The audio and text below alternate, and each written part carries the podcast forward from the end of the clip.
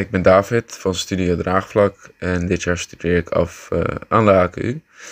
Um, ik heb voor de HKU heb ik uh, een meubelmakersopleiding gedaan uh, die heel wat technischer was. Um, en ik wilde eigenlijk ja, niet zo graag meubelmaker worden en voelde dat ik nog meer creativiteit in me had. Um, dus ik ben de kunstacademie gaan doen. Uh, ik zal wat kort vertellen over mijn werk. Um, ja, wat zie je uh, op dit moment voor je staan? Het zijn een aantal kunstobjecten. Um, en uh, ze zijn allemaal gemaakt met een aantal gedachten. waar ik veel mee zit of zat. ik ben een persoon die veel bezig is met ja, misschien de wat existentiëlere eh, vragen, um, filosofischere vragen over het leven. En dat vind ik ook belangrijk om in mijn werk uh, over te dragen, over te brengen. Um, het is misschien niet gelijk uh, duidelijk als je naar het werk kijkt. Het zijn hele vrolijke kleuren. Um, dan moet ik gelijk even uitleggen waarom ik voor deze kleuren heb gekozen. De kleuren lichtblauw en lichtroze zie ik eigenlijk als uh, ja, een beetje de kleuren van onschuld, een nieuw begin. Het zijn natuurlijk uh, babyroze en babyblauw. Uh, hier begint je leven en um, ja, zet het ook wel de toon voor je leven of je geboren wordt als, als man of vrouw. Uh, ja, hoe je het ook wet of keert, een leven zou heel anders zijn als je geboren wordt als man of als je geboren wordt als vrouw. Dus ik vind de, de onschuld en het begin daarin vind ik heel belangrijk. Uh, maar ook de balans. Dus de balans tussen roze en blauw. De balans tussen man en vrouw. Uh, de drie objecten die ik, uh, die ik gemaakt heb. Ja, het zijn eigenlijk een vijftal objecten, maar het wordt onderverdeeld in drie thema's. dus er is één thema dat heeft te maken met geloof. En dan met name het geloven in jezelf. Uh, dat is uh, het bidbankje met de glas- en loodspiegel. Um, het is daar de bedoeling eigenlijk dat je uh, ja, positie neemt op het bidbankje. Zoals mensen vroeger de kerk, in de kerk dat ook deden. En aangezien de, het bidbankje gepositioneerd is naar de spiegel toe, ben je min of meer geforceerd om naar jezelf te bidden. Um, het is een moment waarin je kan reflecteren, hè, letterlijk, want je kijkt naar jezelf. Uh, maar het is ook een moment om uh, misschien te mediteren, dus stil te staan bij uh, ja, jezelf als persoon, maar ook in gedachten. Um, nou, gewoon wat gemoedsrust te krijgen. Maar ook vind ik het belangrijk om aan te geven dat we allemaal iets goddelijks in ons hebben. Uh, dus aanbid dat ook. Aanbid het goddelijke zonder narcistisch over te komen of zonder narcistisch zijn. Uh, probeer dat goddelijke in je te aanbidden en probeer uh, alle onzekerheden en twijfels in het leven weg te nemen door te denken, nou, ik heb het in me en het, het gaat lukken. En eh, ja, het, het, leven hoeft niet zo zwaar en lastig te zijn als je het meeste qua vertrouwen uit jezelf haalt. Um, dus dat is een van de projecten waar ik, waar ik uh, ja, waar een hoofdgedachte van mij in zit, uh, waar ik ook veel mee bezig ben zelf. Um, nou, dan gaan we naar uh, het tweede object. Dat is een, een hart, een wapen eigenlijk. het is gebaseerd op een, een goede morgen wapen heet dat, uit, uit de middeleeuwen. Dat is een wapen met een handvat, een ketting en een grote bal met stekels eraan. Ehm, mijn variatie heeft te maken met uh, de liefde. Dus uh, het is een handvat met een ketting, maar er zit een groot scherp hart aan. En wat ik daarmee bedoel te zeggen is dat ik gemerkt heb in het leven dat liefde is een lastig ding. en liefde is vooral een lastig ding als je niet eerst van jezelf houdt of als je het moeilijk vindt om van jezelf te houden.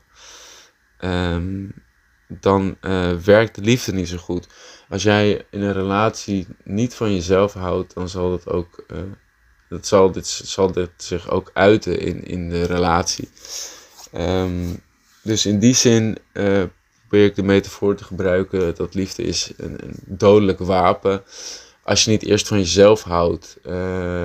Want daar begint het. Als je niet van jezelf houdt, dan gaan er um, ja, manieren of ontwikkelingen uh, ontstaan binnen de relatie die, uh, ja, waar niemand blij van wordt en die niet heel gezond uh, zijn ook in een, in een fijne relatie. Um, dus dat is een beetje het, het, doel of het verhaal achter dit wapen, zo gezegd. Um, en het ziet er natuurlijk visueel aantrekkelijk uit. Hè? Dat kan uh, de liefde ook zijn. Het kan heel sprookjesachtig of fijn voelen. Uh, maar we moeten niet vergeten dat er, uh, ja, dat er rekening met elkaar gehouden moet worden. En um, zorgen voor elkaar, elkaar steunen. en dit zijn dingen die, ehm, ja, dat vergt wat emotionele intelligentie. Uh, van de partner. Um, dus ik denk dat het uh, een goed idee is om pas te beginnen aan een relatie als je echt uh, goed weet dat je ook van jezelf houdt en jezelf waarde ook inziet. Um, dan ga ik gelijk naar ja, het laatste object. De laatste twee objecten zijn eigenlijk een soort bijzettafels um, waar tegels als tafelbladen in zitten. Ik zeg tafelbladen, maar het zijn natuurlijk niet echt tafelbladen omdat ze niet helemaal vlak zijn. Uh, er komt wat uit. Zoals je, zoals je misschien hebt gezien is dat een, schedel en een hart. Um, in deze tafeltjes heb ik een beetje het effect van uh, ja, verdronken of uh, tot, tot op je nek diep ergens in zitten. de tekst is natuurlijk heel duidelijk en misschien klinkt de tekst wat heftig. Uh, Nothing Matters, You Will Die is een tekst die heel um, duister overkomt. Hè? Er staat letterlijk, niets maakt uit, je gaat dood. En op eerste, in eerste instantie is dat natuurlijk een, een, heftige en confronterende tekst. Uh, maar voor mij heeft het veel gedaan. Uh, in mijn eigen leven ben ik, zoals ik al eerder zei, veel bezig met existentiële vraagstukken. Um, en ik denk dus ook inmiddels dat als wij de vergankelijkheid van het leven goed uh, in kaart hebben, dan kunnen we pas echt gaan leven. Um, het is natuurlijk zo dat heel veel mensen bezig zijn met het vergaren van spullen, status, um, aanzien. Gewoon puur bezig met ja, een soort zelfwaarde creëren die gebaseerd is op uh, materialisme of op um, puur op prestaties. Uh, en dit vind ik een beetje een nare ontwikkeling. Ik denk dat wij goed moeten inzien dat het leven heel vergankelijk is.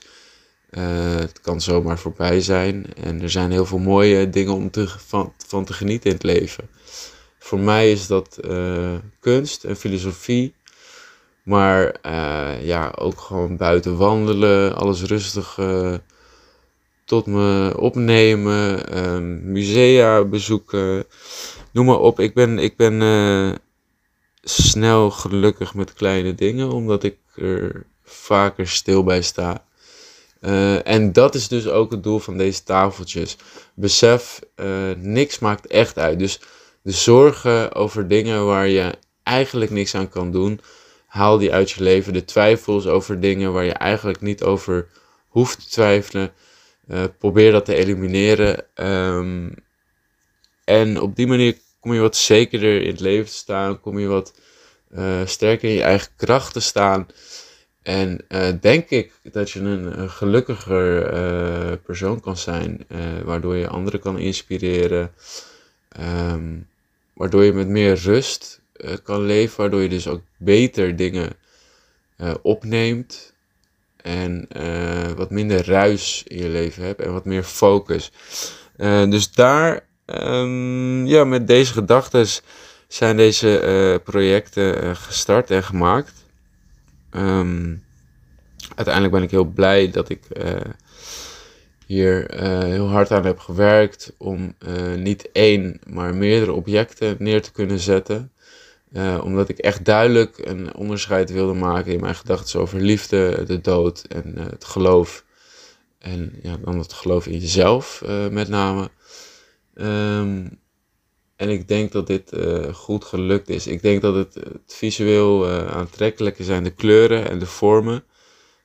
dus dit trekt je als bezoeker als het ware naar, naar de objecten toe. Um, en ik denk en ik hoop dat zodra je er langer bij stilstaat en je eigen gedachten erop loslaat, uh, dat het op die manier dus een, uh, ja, voor iedereen wat kan betekenen. Voor iedereen op een persoonlijk level. Uh, waarbij ze dus ook hun eigen ervaringen kunnen koppelen of ja, gewoon reflecteren op hun leven en um, een beetje aandacht en tijd stoppen aan de dingen die, die toch belangrijk zijn in ons leven. Uh, dus ik hoop dat ik dat kan doen met mijn werk. En uh, ja, ik wil de komende jaren gewoon super hard aan de slag gaan. Om met Studio Draagvlak een, een, ja, een, een, creatieve onderneming op te zetten. die zich bezighoudt met, met dit soort maatschappelijke thema's. Zonder mensen op te roepen tot actie. maar meer om mensen stil te laten staan en even na te laten denken over, um, ja, over hun leven en over hun gedachten.